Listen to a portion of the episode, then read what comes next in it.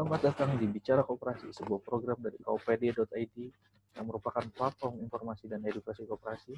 Pada episode pertama ini, kita akan membahas sudut pandang koperasi dari anak muda.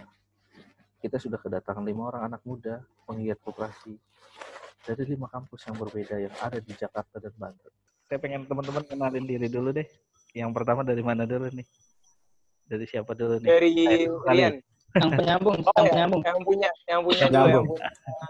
Kapten, Kapten KG. Narahubung, narahubung. Narasumbernya ya. arah hubung. Oke ya, dari Rian dulu. Silakan perkenalkan diri Ya. ya. Baik, Kang. Baik, Assalamualaikum warahmatullahi wabarakatuh. Perkenalkan, perkenalkan nama saya Muhammad Yan Ramadan dari Kopmawin Jakarta.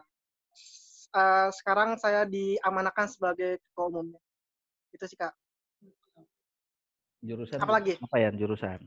Kuliah. Oh, saya jurusan agribisnis Semester? semester 6. Jadi untuk koperasi-koperasi masih belajar lah. Oke. Oke, selanjutnya siapa nih? UNJ nih, UNJ tuh. ONJ. Boleh, boleh. Oke, uh, Assalamualaikum warahmatullahi wabarakatuh. Waalaikumsalam. Waalaikumsalam. Selamat sore semuanya. Saya Guntur Putra Maharam dari Kopma UNJ. Pada tahun ini diamanahkan sebagai ketua umumnya. Uh, jurusan dari Pendidikan Teknik Elektro UNJ tahun 2017 semester 6. Wah, penerusnya Agung. Ah, iya, sama Bang Tehu juga. Itu Iya. senior senior Kopma senior jurusan juga. Elektro ini. Oke, selanjutnya Irfan Irfa bawah bawahnya Guntur nih.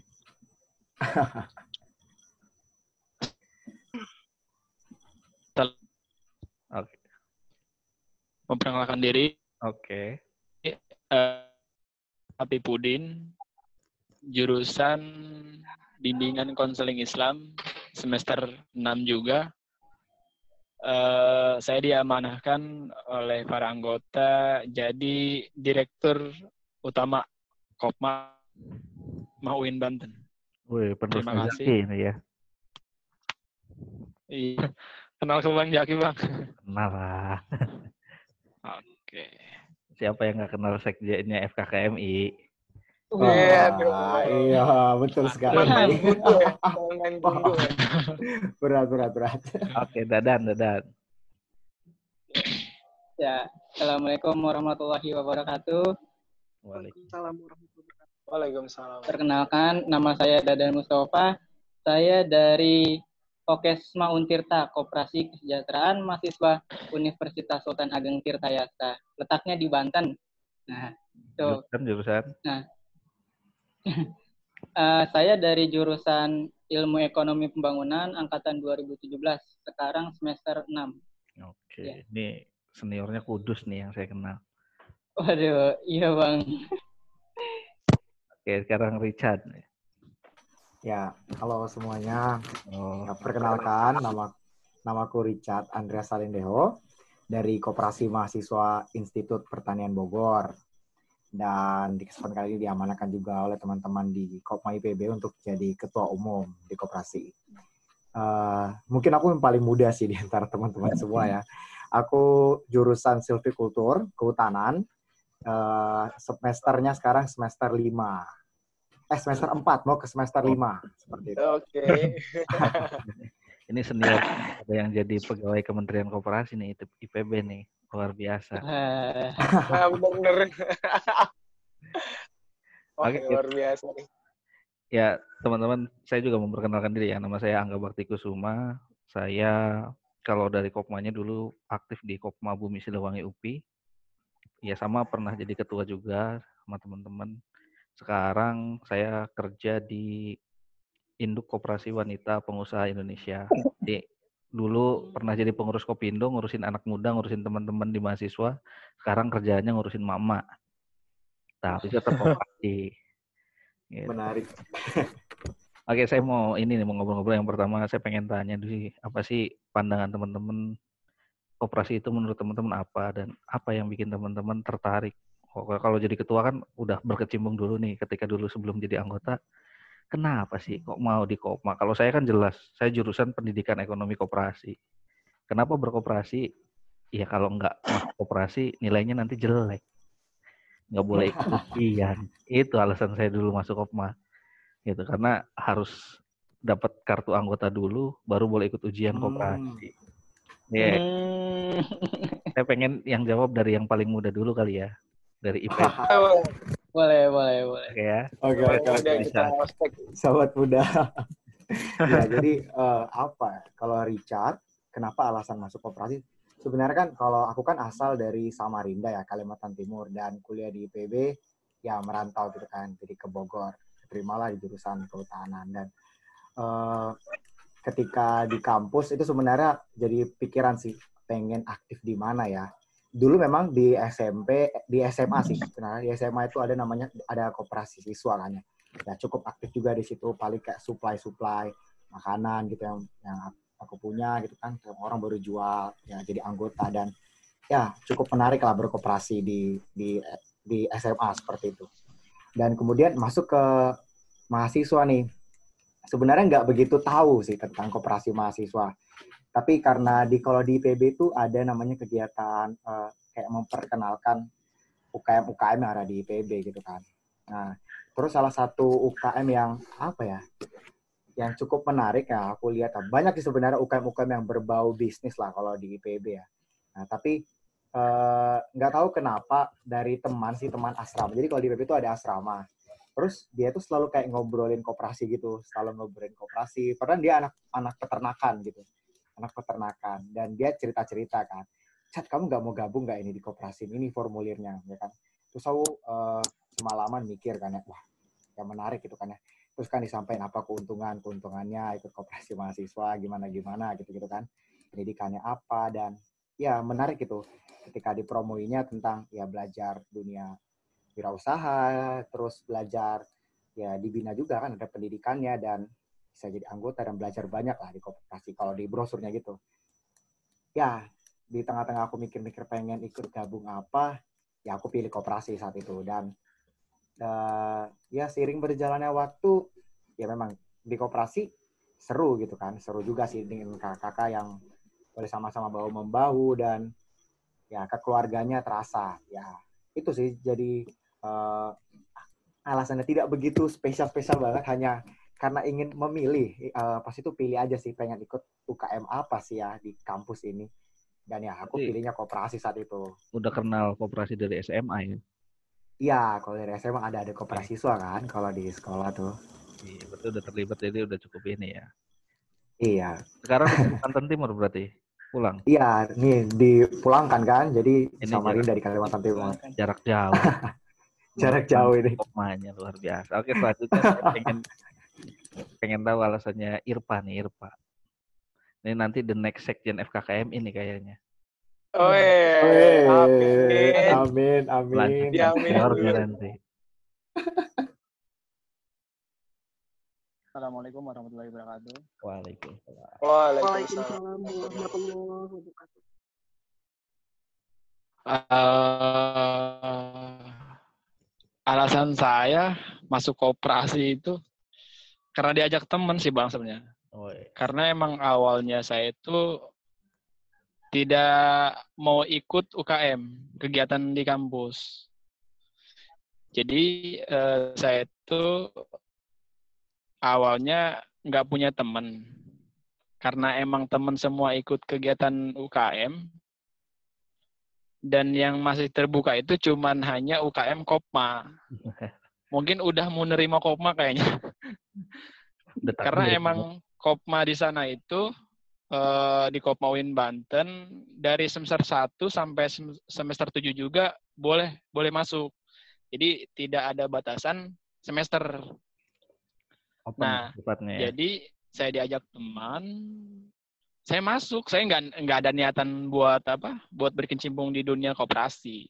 Tapi makin lama saya makin masuk ke Kopma dan ternyata emang asik gitu tuh eh, berkooperasi itu. Yang pertama ya mungkin kita eh, bisa mengenal dunia bisnis lah, karena emang eh, saya sih nggak tahu banget terkait bisnis dan koperasi. Tapi setelah masuk ya alhamdulillah gitu kan. Saya juga jadi ketua juga nggak ada niatan kayaknya mas. Karena emang dipilih sama teman-teman juga. Dipercaya ya. eh nggak ada spesial spesialnya sih karena emang background saya nggak ada masuk dari bisnis dan emang juga nggak ada koperasi karena jurusan saya bimbingan konseling Islam. Oh, iya. Jadi guru BK ya. Awalnya pun saya iya. Cuman awal pun saya juga mau masuk eh, kalau di UIN Banten tuh ada UKM semacam kayak paskibra gitu tuh, Menwa kalau nggak salah. Hmm, Menwa. Masuk paskibra Kabupaten Lebak. Iya. Nah, setelah itu ya udahlah, mungkin coba eh, dicoba-coba dulu aja lah, mencoba ke koperasi. Tapi semakin ke sini kok nyaman gitu kan. Ternyata koperasi itu ada kekeluargaan. Ketika memang misalkan kita di saat kita jatuh ya ternyata hanya teman-teman koperasi aja yang membantu kita itu kan entah itu dari materi pikiran atau ide ide atau gagasan yang buat kita sendiri lah jadi motivasi buat teman-teman gitu Oke. setelah itu saya di di Kopma juga bagian dari semester 1 sampai semester 5 ya saya bagiannya cuman di unit bisnis doang gitu kan jadi saya berkecimpung ya di di apa di bisnis enak toh gitu jadi anak koperasi megang uang megang uang tapi bukan uang sendiri gitu Iya. tapi uang orang lain. tapi ya semakin ke sini sih semakin suka dengan dunia koperasi. Makin jatuh cinta ya. Mengajarkan saya bagaimana bisa hidup mandiri dan bisa mencari uang sendiri sih. Oke. Itu sih menurut saya sih bang. Oke, terima kasih. Selanjutnya nih anak elektro nih, anak elektro. Guntur, Guntur. Eh, anak elektro. Oke, kalau dari alasan pribadi Guntur ya, kenapa akhirnya milih Kopma? Eh, Sebenarnya dasarnya anak SMA itu kan pengen nyari untung atau ibarat kata baru masuk kampus nih. Ah, pengen belajar ini gue wirausaha gitu ya. Gimana caranya gue ikut kegiatan tapi bisa wirausaha. Sampai nemu kayak waktu emang pas lagi presentasi dari masing-masing unit itu juga emang udah interest banget sama semuanya dan akhirnya kita kepilih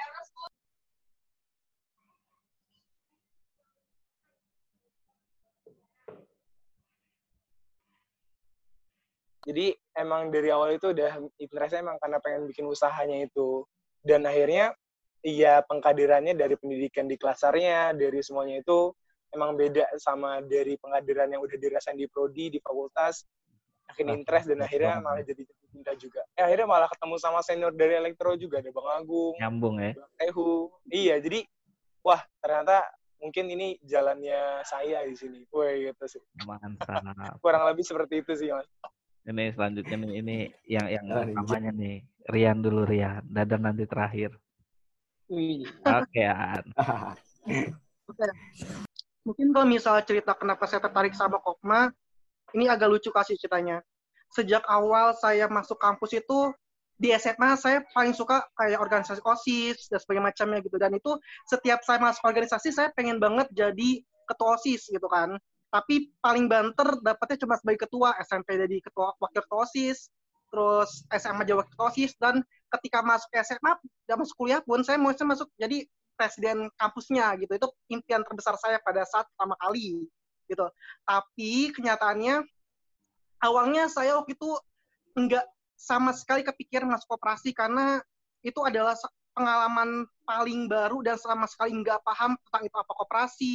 Terus apa sih tertariknya koperasi gitu. Sama sekali nggak ada sudut pandang kenapa gue harus ikut koperasi gitu kan. Terus karena ada suatu kejadian waktu itu ada namanya kampung UKM jadi semua UKM itu promosi terus abis itu saya diajak sama teman saya lah gitu kan. Nah teman saya daftar duluan. Terus ketika mereka mau bayar simpanan akhirnya saya ikut karena pengen pulang bareng sama mereka. Dan ketemu sama salah satu senior lah namanya Kak Hakim sama Kak Irsat kalau nonton. Mereka tiba-tiba langsung masuk koma yuk di situ nggak ada pikiran sama sekali masuk koma maka cuma nganterin pengen pulang habis selesai. Tapi hari itu juga eh, teman-teman akhirnya kuliah masuk koma yang gini gini gini gini gini. Gue belum bisa kok masuk sekarang gitu kan. Terus akhirnya eh, kakak kelasnya dicoba dulu aja kalau misalnya emang gak nyaman ya tinggal keluar gitu kan. Iya kak tapi kalau misalnya sekarang juga saya nggak bisa gitu kan panjang cerita akhirnya didesak didesak didesak akhirnya saya masuk juga lah dengan cara ngutang. Kita belum bayar sama sekali kak. Cuma Oh, kata oke saya masuk. Kayak gitu. Nah terus Waduh, waduh. terus bahayanya adalah saya waktu itu langsung pas abis diksar kan pertama pendidikan diksar kan. Kalau di Komawin Jakarta itu ada empat pendidikan kak. Ada diktar diksar dikmen pada saat itu karena saya besoknya mau diksar jadi saya belum diktar jadi saya langsung diksar terus abis itu niatnya saya udah mau keluar karena bukan zona saya di situ. Bukan pas zona. udah mau keluar ternyata saya dipilih nih jadi BPH salah satu kegiatan. Ya udahlah tahan dulu Dian sedikit doang acara satu doang bisa langsung keluar gitu kan. Oke lah saya ikutin tuh. Nah abis itu dipilih lagi lah jadi bagian yang pengen saya yang pengen pak pengen banget kalau di sana kan ada acara marah-marah gitu kan. Nah Edukatifnya itu saya dapat posisi itu. Girang dong saya ya udah ya udahlah coba sekali lagi lah ini. Habis itu langsung keluar deh habis itu. Selesai dari acara itu saya dipilih di acara PEKO Kak, Pekan Koperasi. Mm-mm. dan saya jadi kor acara. Tertunda lagi lah saya. Dan setelah itu saya langsung diangkat jadi pengurus. Udah.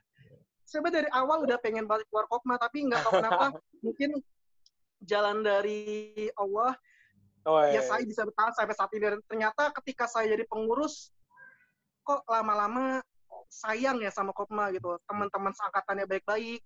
Kita walaupun beda fakultas beda jurusan tapi kok kayaknya ada kenyamanan sendiri daripada saya gabung sama teman-teman dekat saya yang sebagainya macamnya gitu. Beda gitu. Dan akhirnya saya dapat alasan kenapa saya masuk Kopma. Saya tahu tujuan saya masuk Kopma yaitu untuk Kopma Win Jakarta. Itu sih kalau dari saya. Asik. Nah, nanti abis ini kita kasih tahu ke anggotanya ya. Ketuanya pengen keluar sebenarnya dari dulu. Waduh, waduh. Nanti share link, share link. Iya benar. Iya. Oke, sekarang Dadan nih Bocor Dadan. ya, bocor. Tirta nih. Oke. Oh ini lagi lagi di kampus berarti nih. Ya, eh, jadi eh, pas awal-awal Awal kapan? Pas awal lagi mau ngezoom, eh mau ngezoom kan jadi saat kan ya. Grogi dia grogi. Oke, jadi saya di sini lagi di PKM gitu kan. Sebelumnya saya lagi di PKM ada sekretaris dan bendahara saya juga gitu kan, lagi di PKM. Halo. Ini sekretaris saya gitu kan. Oh, Kak Richard, Perkenalkan. masih inget nggak Richard?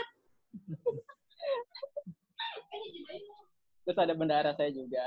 Lagi ada eh, urusan sebentar gitu kan di Kopma.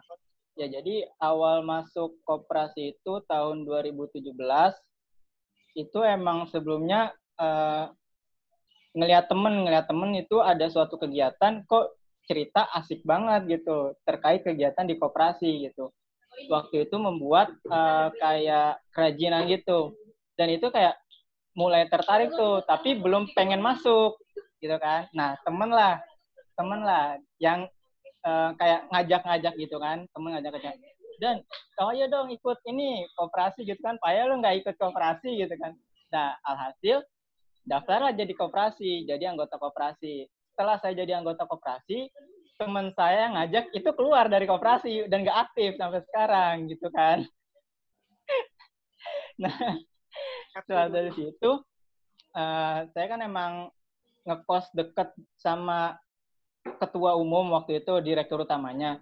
Nah jadi juga direktur utama itu yang ngebantu saya selama saya menjadi anggota koperasi. Jadi eh, lebih dekat gitu.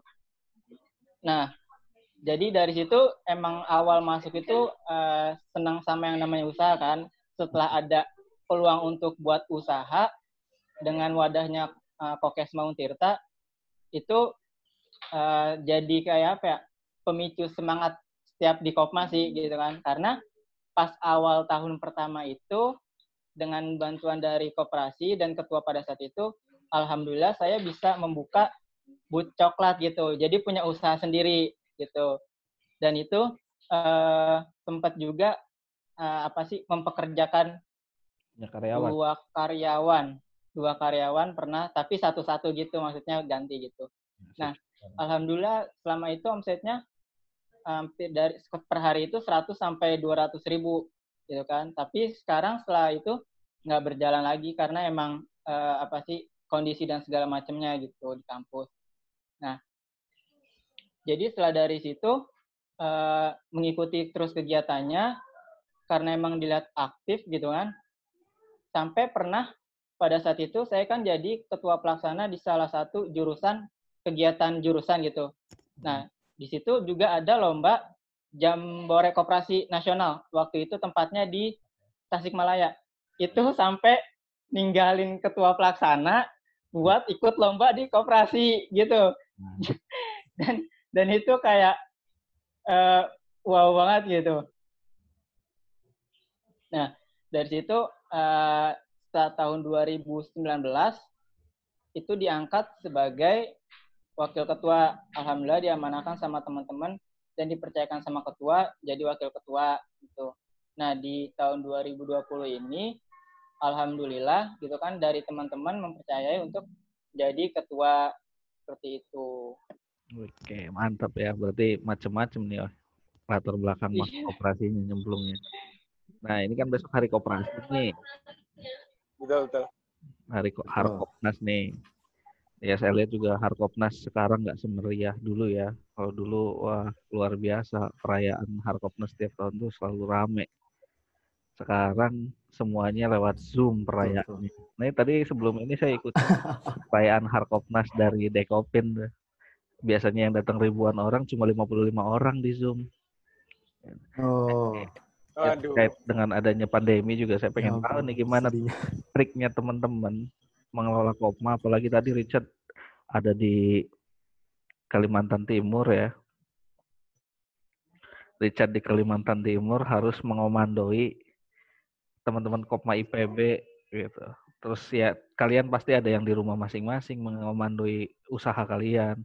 Bahkan saya ngelihat sendiri apa alma mater saya, Kopma saya omsetnya turun drastis sampai minus gitu. SHU-nya ngeri sekali gitu. Ternyata berdampaknya luar biasa. Entah sampai kapan teman-teman kampus masih libur kan.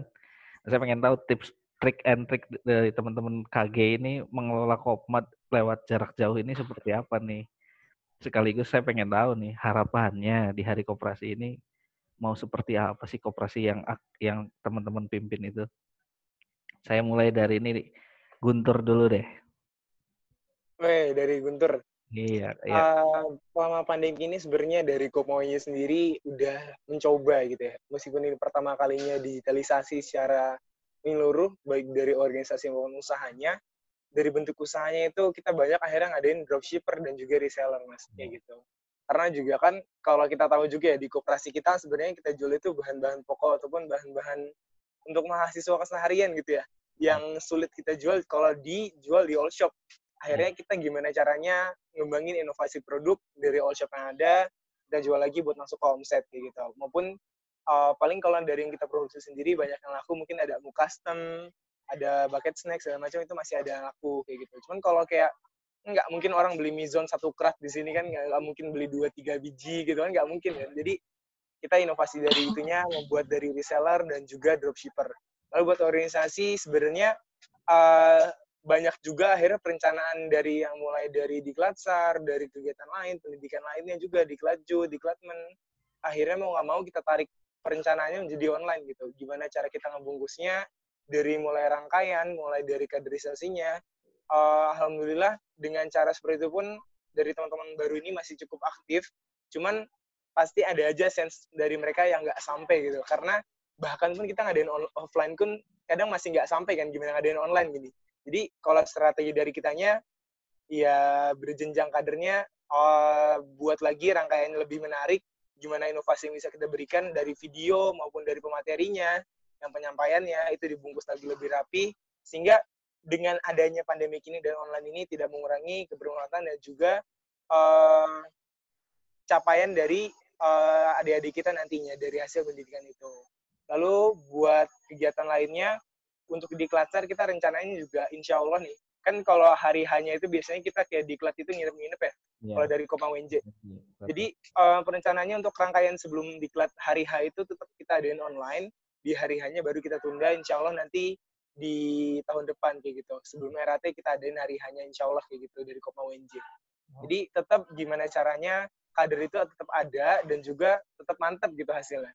Jadi kita ambil kebijakan insya Allah hari hanya tetap ditunda, tapi rangkaiannya tetap ada sama pandemi kini. Kurang lebih gitu sih mas kalau dari Kopma UNJ. Ya, biar kader jalan, Mas. jalan ya. Mantap. Oke. Ya. Selanjutnya nih yang paling jauh nih Richard nih. Gimana Chat cara di pandemi begini mengkomandoi Kopma IPB? Chat? Coba tips and triknya.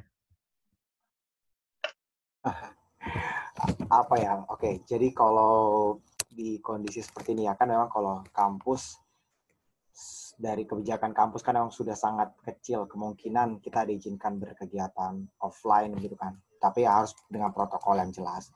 Nah kalau selama ini sih tips and bukan tips and trick ya sebenarnya nggak ada tips and trick ya. Tapi ya setidaknya ini boleh ya, bantulah teman-teman ya. Eh, ya kalau kami dari Kopma IPB ya kurang lebih mungkin tadi seperti yang dikerjakan oleh Guntur ya beberapa kegiatan pendidikan dan ya pendidikan itu semuanya dilakukan secara online. Yang masih bisa kita uh, suntik ke dalam setiap uh, anggota yang ada. Misalnya kayak untuk diksar uh, untuk persiapan uh, dikmen ya pokoknya memang semuanya sih uh, renstra yang udah disusun memang berubah. Renstra kan dulu kan nggak pernah terpikir ya bahwa akan terjadi online seperti ini. Nah, renstranya semua offline gitu kan, udah buat menarik apa semua, tapi ya berubah gitu. Ya jadi ya kalau dari Kopma IPB kami sampai sekarang pun terus bolak-balik menyusun se- rencana-rencana yang baru dan ya sistem-sistem yang baru untuk ke depannya. Karena memang kalau kalau nanti mulainya itu kan di tahun ajaran baru nanti, Nah, itu kan sudah harus mulai semua kegiatan-kegiatan setiap UKM dan lain-lain. Ya, tapi kalau memang di selama memang pandemi ini ya mungkin ya terjadi memang juga mengalami minus di mana kan ya gimana ya? Maksudnya kalau di Kopma IPB itu kami usahanya kan semua berada di asrama rata-rata. Pasar kami itu kan eh, anak-anak asrama dan ya ketika tidak asrama itu tidak buka ya usaha tidak buka sama sekali seperti itu kan. Ya itu memang jadi begitu banyak kendala bahkan ya terjadi minus juga di dalam keuangan. Ya itu juga memang jadi pikiran. Makanya eh, ya strategi yang benar-benar dikejar di, di tahun-tahun ini ya kita coba pilah keuangan sih. Kalau Richard ya pikirnya jaga anggota jaga uang gitu untuk selama selama kita masih online ini. Itu sih yang benar-benar yang dikejar. Soalnya apa ya? Ya kondisi seperti ini kita mau berbuat hap apa lagi ya? Nah itulah sehingga yang jadi harapan ya ya kita bisa kembali offline lagi, bisa di kampus kembali, ya kan? Harapannya juga setidaknya semua anggota benar-benar bisa terlibat dengan setiap pendidikan yang coba disusun secara online. Itu sih harapannya. Jadi uang boleh minus tapi anggota jangan ya. Ya, benar banget ya. Eh, Benar boleh banget. tuh, boleh. Benar banget, Kang. Ya, sekarang nih Irpa nih, Irpa. Pengen tahu gimana strateginya mengelola Kopma Win Banten ini. Pasti ya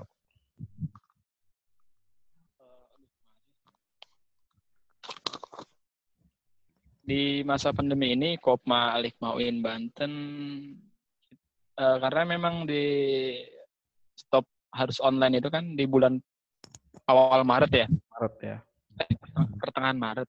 Nah, jadi Kopma UIN Banten itu cuma hanya melakukan kegiatan secara online untuk kegiatan, tetapi kalau sekiranya memang misalkan itu tidak harus online, kita tunda karena Kopma UIN apa eh, UIN Banten ini akan offline lagi di bulan Oktober. Kemungkinan bulan Oktober nanti ya. bakal masuk perkiraan. Iya. Nah, jadi yang kami lakukan sama sama pengurus semuanya semuanya serba online. Usaha pun kami karena waktu tahun lalu untuk omset kan ya lumayan lah ada ya buat Kopma. Tapi set kita tidak terlalu minus, kita itu kan usahanya cuma ada ren, apa eh, fotokopi rental, rental sama eh, apa warung. Nah kalau untuk warung kita tutup. Nah, kita alihkan ke anggota emang yang benar-benar punya usaha sendiri. Nah, di situ kita kembangkan. Nah, jadi beberapa anggota yang punya usaha, kita semuanya ambil, dibikin grup. Nah, setelah itu kita uh, pasarkan karena uh, ke teman-teman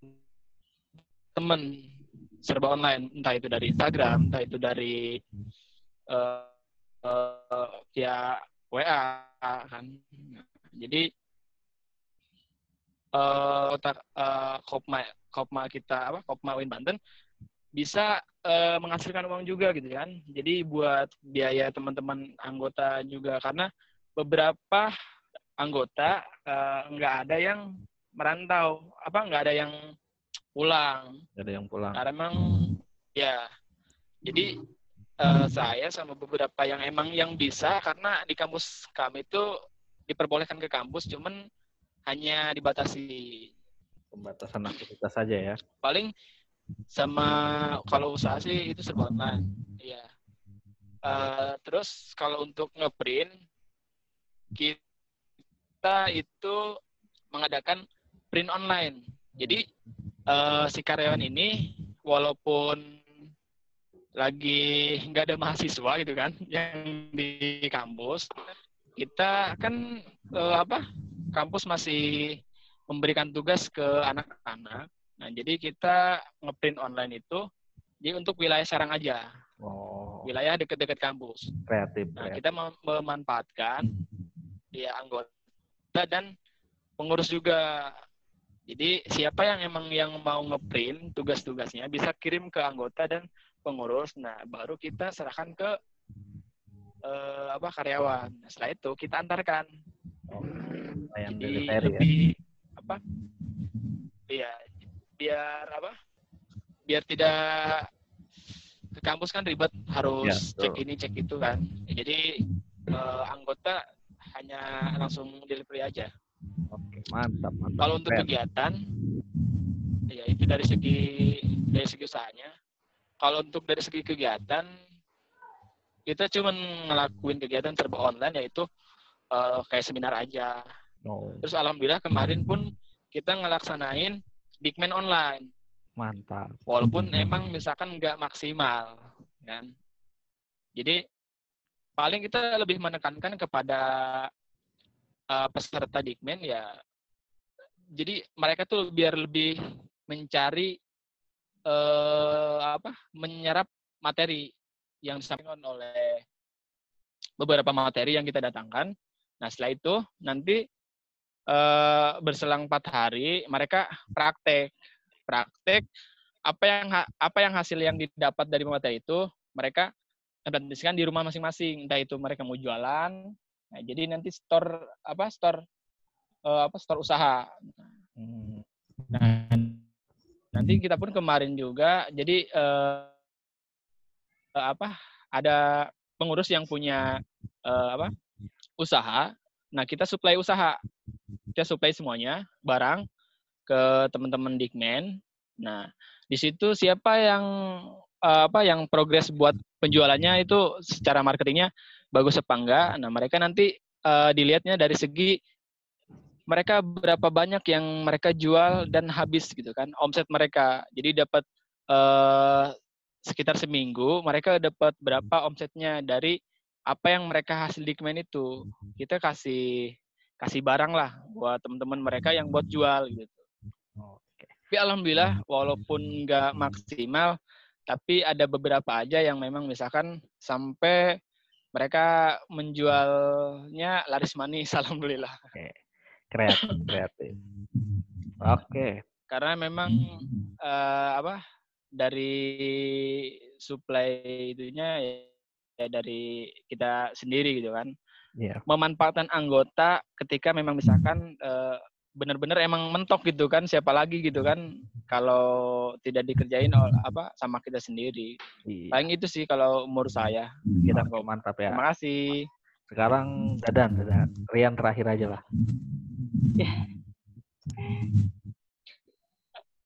Ya, eh, jadi selama pandemi kayak gini kan kita juga terdampak banget ya semuanya gitu kan. Nah, untuk uh, dari Dadan sendiri gitu kan bersama teman-teman Kokesma uh, terkait di organisasi kurang lebih kita juga melakukan hal yang sama yaitu online kegiatannya untuk kayak open rekrutmen anggota itu kita adakan secara online gitu kan. Nah, untuk uh, kegiatan-kegiatan organisasi pun nanti uh, bakalan dilakukan secara online dan juga ini dilakukan da, berbarengan dengan usaha gitu. Nah, di usaha itu tersendiri, Dadan dan teman-teman uh, anak usaha khususnya gitu kan, uh, mengadakan diskusi lah, diskusi atau sharing-sharing dengan anak-anak usaha. Alhamdulillah dari situ uh, ditemukan solusi uh, untuk membuat online shop di marketplace gitu, di marketplace. Nah, untuk target pasarnya sendiri itu karena bukan hanya mahasiswa Untirta, tetapi masyarakat Indonesia gitu kita uh, kurang lebih sama kayak Tum Guntur gitu dari Kopma UNJ untuk uh, dropshipper atau reseller gitu. Nah, cuma kita itu juga memanfaatkan anggota bahwasanya anggota yang memiliki usaha ataupun produk itu kita himpun, kita himpun, kita pasarkan ke marketplace dari uh, Kokesma Untirta seperti itu. Nah, jadi uh, dengan begitu ada kerjasama antara uh, Kokesma dan juga anggota. Cuman yang untuk yang offline sampai saat ini dari bulan Maret sampai saat ini tuh emang benar-benar tutup karena uh, emang kampusnya juga nggak nggak buka gitu kan. Jadi uh, memaklumi gitu bahwasanya kondisi seperti ini tuh emang maklum terkait uh, usaha yang kurang berjalan lancar gitu. Tapi kita juga dari teman-teman pengurus juga mengusahakan bahwa uh, usaha juga harus tetap jalan walaupun uh, nggak secara langsung gitu dan target pasarnya pun diperluas ini juga bisa menjadi salah satu untuk nge-rebranding dari uh, Kokes Mauntita tersendiri gitu, Pak. Oke, keren keren. Jadi pandemi bukan halangan ya buat tetap berkreativitas. Iya. Mantap. Ini selanjutnya nih Rian Rian. Gimana ya Kopma Uin ya? ya kalau misalnya dibilang berdampak itu sangat berdampak banget kak karena hal ini terjadi ketika kita baru aja mau naik oh gitu angkatan saya mau naik susah ketika kita merubah kegiatan yang biasanya kita lakukan secara offline tiba-tiba brek semuanya berubah 100% yang kita udah buat secara A sampai Z sampai akhir kita udah rencanain waktu itu kita posisinya baru rapat proker dan itu semua udah disetujuin tiba-tiba pas besoknya itu pengumuman bahwa kampus itu libur. Sia-sia semuanya kan. Nggak ada yang sisa sama sekali. Dan di situ kita otomatis Aktif. harus ada kebijakan. Dan di mana kalau misalnya kita diam aja ya kita nggak bakal ngapain. Kebij tapi kebijakan itu juga harus menyesuaikan dengan aturan-aturan yang udah terdahulu gitu. Kayak ada ada ART, habis itu ada SOP, habis itu juga ada peraturan dan sebagainya, pedoman segala macamnya yang di mana Kota Jakarta itu cukup kaku terhadap aturan gitu.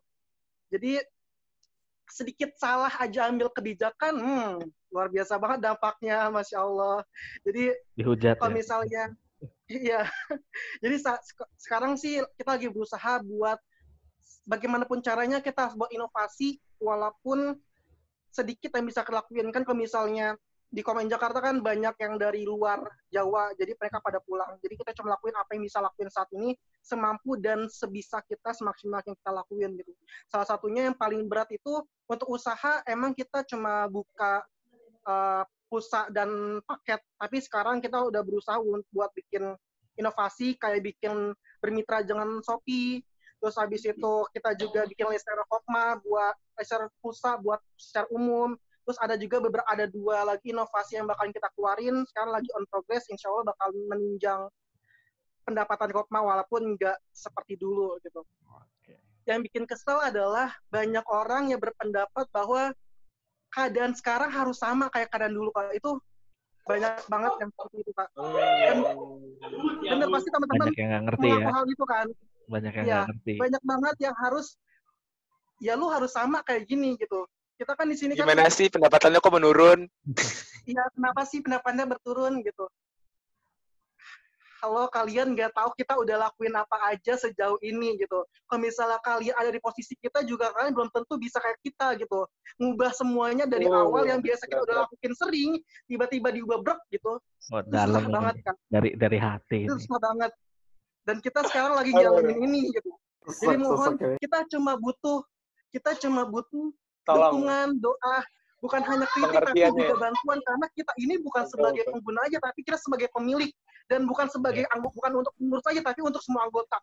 Itu kayak Hmm. harus diingat untuk semua Betul, yang ada di Indonesia. Oh ya, mantap, mantap. Eh, dari dari hati sekali ini. Tepuk tangan. Oh, Tepuk tangan buat Kumrian. Wuh, Mantap.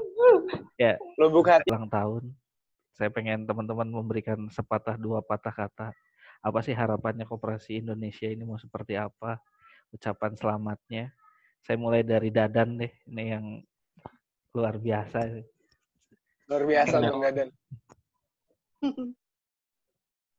Ya, eh, saya dan teman-teman Kokes Tirta mengucapkan selamat Hari Koperasi Nasional yang ke-73. Semoga koperasi tetap jaya, semakin bertambah baik dari waktu ke waktu, bukan bertambah buruk. Gitu.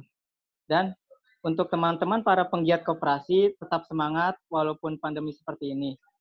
Salam sukses dari Koperasi Kokes Maung Tirta. Bravo Kopma. Selanjutnya Rian. Rian kayaknya mau, mau nangis nih bentar lagi nih. Oh ya, eh, saya Muhammad Ramadan mewakili teman-teman keluarga Kopmawin Jakarta mengucapkan selamat ulang tahun untuk Koperasi Indonesia. Kita sebagai Kapita Muda Hatta untuk bisa meneruskan perjuangan para pahlawan khususnya Bung Hatta yang telah menjadikan koperasi ini sebagai soko perekonomian yang saat ini masih ditanda besar dan jawabannya bakal kita temuin besok nih di, di, di- Oh my god. Bocor. Promo nih, promo nih. promo, promo. Bocor. jadi Telingan. jaya terus koperasi Indonesia. Selanjutnya nih Irpa nih, Irpa. Oke. Eh,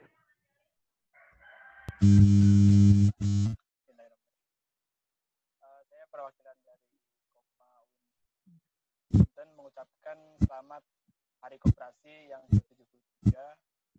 Semoga harapan saya koperasi di Indonesia ini makin eh, makmur dan sejahtera karena ada di prinsip tujuh koperasi. Karena Kopma itu harus sejahtera bagi anggota dan seluruh Indonesia. Harapan saya juga buat anggota Kopma yang terdampak eh, jangan patah semangat. Pasti Allah punya rencana tersendiri buat anggota kita. Eh, semangat terus lah buat kita semua. Karena Kopma itu adalah keluarga kita. Jadi eh, kita harus berada di Kopma terus jatuhnya Kopma itu kita bangkitkan kembali di saat Kopma itu tinggi kita jangan pernah meninggi- meninggi- meninggikan Kopma kita tetaplah rendah hati. terima kasih Oke, mantap. Selanjutnya Guntur nih, Guntur. Oke, saya Guntur Putra dan teman-teman Kopma WNJ mengucapkan selamat Hari Nasional Operasi yang ke-73. Semoga pada pandemi tahun ini pun tidak menyurutkan semangat kita untuk terus berkooperasi di mana pun kita berada. Para penggiat kooperasi muda maupun yang sudah tua tidak apa-apa, kita bersemangat. Meskipun pandemi seperti ini, eh, kreativitas dan inovasi tanpa batas harus kita lakukan dengan keadaan seperti ini, eh, tidak menyamatkan semangat kita dalam berkooperasi. Bravo Kopma, Bravo Koperasi Indonesia. Selamat Hari Koperasi Nasional. Mantap. Selanjutnya ini yang paling jauh, Richard. Oke, ya baik. Ya, saya Richard Andrea Salindeho, mewakili teman-teman Koperasi Mahasiswa IPB University. Kami mengucapkan selamat ulang tahun yang ke-73 untuk Koperasi Indonesia. Kiranya di umur yang ke-73 ini kita makin semangat mengerjakan kegiatan koperasi. Mari kita junjung terus dan bawa cit, eh, rasa gotong royong kita walaupun di tengah-tengah pandemi kayak gini, mau tidak mau kita harus mendorong diri kita sama-sama untuk menjadi para hatta-hatta muda yang kreatif. Mari sama-sama kita bergotong royong untuk sama-sama memajukan koperasi di Indonesia. Salam koperasi buat kita semua.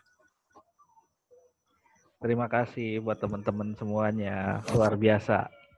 Sudah mau sharing-sharing meluangkan waktunya. Sukses buat acara Mas. besoknya ya. Sama-sama.